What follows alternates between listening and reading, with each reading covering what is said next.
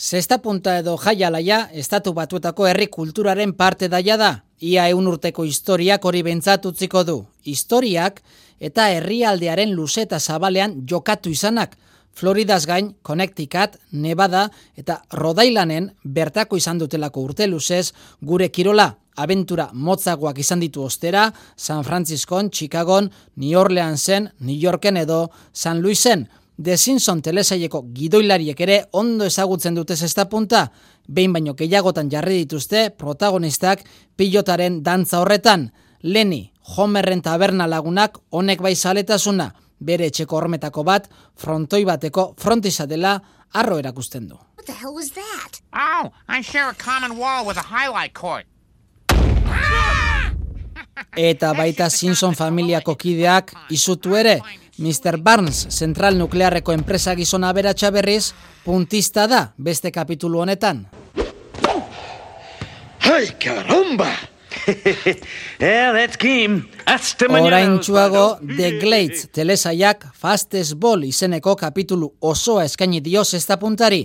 Daniako frontoian grabatutako kapitulua gainera, ez dute edozelako misioa protagonistek, lehenengo emakume profesionalaren hilketa argitzea. Why was Laurie so interested in gambling at the Fronton? I do not know, but one thing's becoming clear. People that mess with the fastest game on earth end up. Eta Mad Men telesai famatuan aldiz, zesta puntarekin aberaztu egin nahi dute, zazpi urteko epean, beisbolari aurre hartuko diolakoan daude. Imagine the perfect mixture of athletics, spectacle, and speed. Highlight. Ikuskizun atletikoa, abiadura eta beti erakarri izan duena, arriskua, produktu perfektua, jai alaia, baina jar dezagun musika apur bat. He was a bass from San Sebastian. He came here in 51. Made his bones along the border in a high life from Tom. With a basket on his hand, he threw his heart against the wall. He was the master of the dance in the fastest game of all. He had blood inside his eye, he threw his heart, he let it fly. Xistera eskutan hartuta, donostiatik estatu batuetara emigratutako pelotariaren historia kontatzen digu abesti honetan, Tom Russell musikari Kaliforniarrak, Johnny Cash ere kantuak egindakoa da.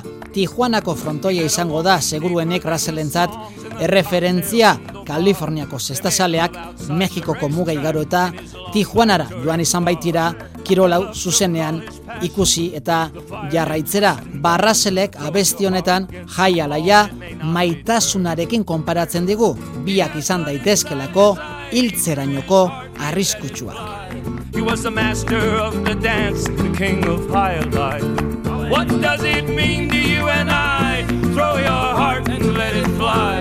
Love is a deadly dance, just like high life. Ole. Musikatik paperera egin behar dugu, New York Times egunkariak, munduko egunkari ezagunenak, iru mila artikulutan izan duelako izketa gai, jai alaia edo, zesta punta, seguruenek Paul Auster idazleak ere irakurriko zituen artikulu hauetako batzuk. Estatu batutako idazle ezagunenetakoa da Auster, ezagunena ez bada. Lau irubi bat bere azken aurreko eleberria, obra monumentaltzat dute kritikuek. Ba, puntaren aipamena egin nahi izan du bertan Austerrek, munduko milioika irakurleri zuzenduta. Lu eta Mili Florida hegoaldera joan ziren. Lu txakur lasterketen eta jaialai partiduen promotore egin zen. Arnold de Kostera umeen festetarako Jai hartu alaiitzak ziren. marka bat ere badira eta estatu batuetan. Tampan ekoizten duten garagardo ezagun bat da. Chicagoko indie musika talde bat. iPhonearen iragarkiko irudia. Jakaseko eroen jolas arriskutsua. Futuramakoa. Bat Spencer eta Terrence Hillen kirol maitatua. Tron pelikula futuristakoa. Eta betirako Iggy Popen kantu honi lotuta egongo dena.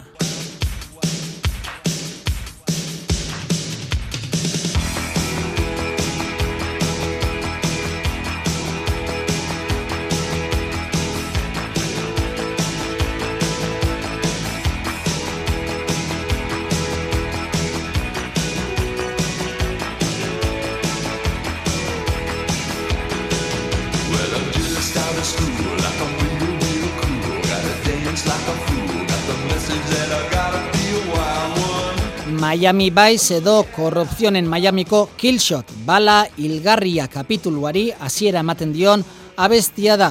Aparretan, frenesian zegoen zesta punta, laurogei garren amarkadan Don Johnson eta konpainia, frontoila joan eta besteak beste elorrio pelotari handiarekin topo egin zutenean.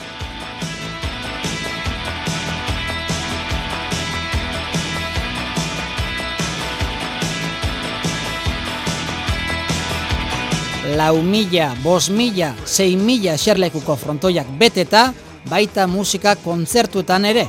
Bruce Springsteenek, Bob Marley edota Van Halenek jo izan dute kantxan jarritako esenatokietan. Datu bat, Miami High Alain kontzertu eskaini eta bi hilabete eskasera hil zen Jimi Hendrix historiako gitarra jolean diena.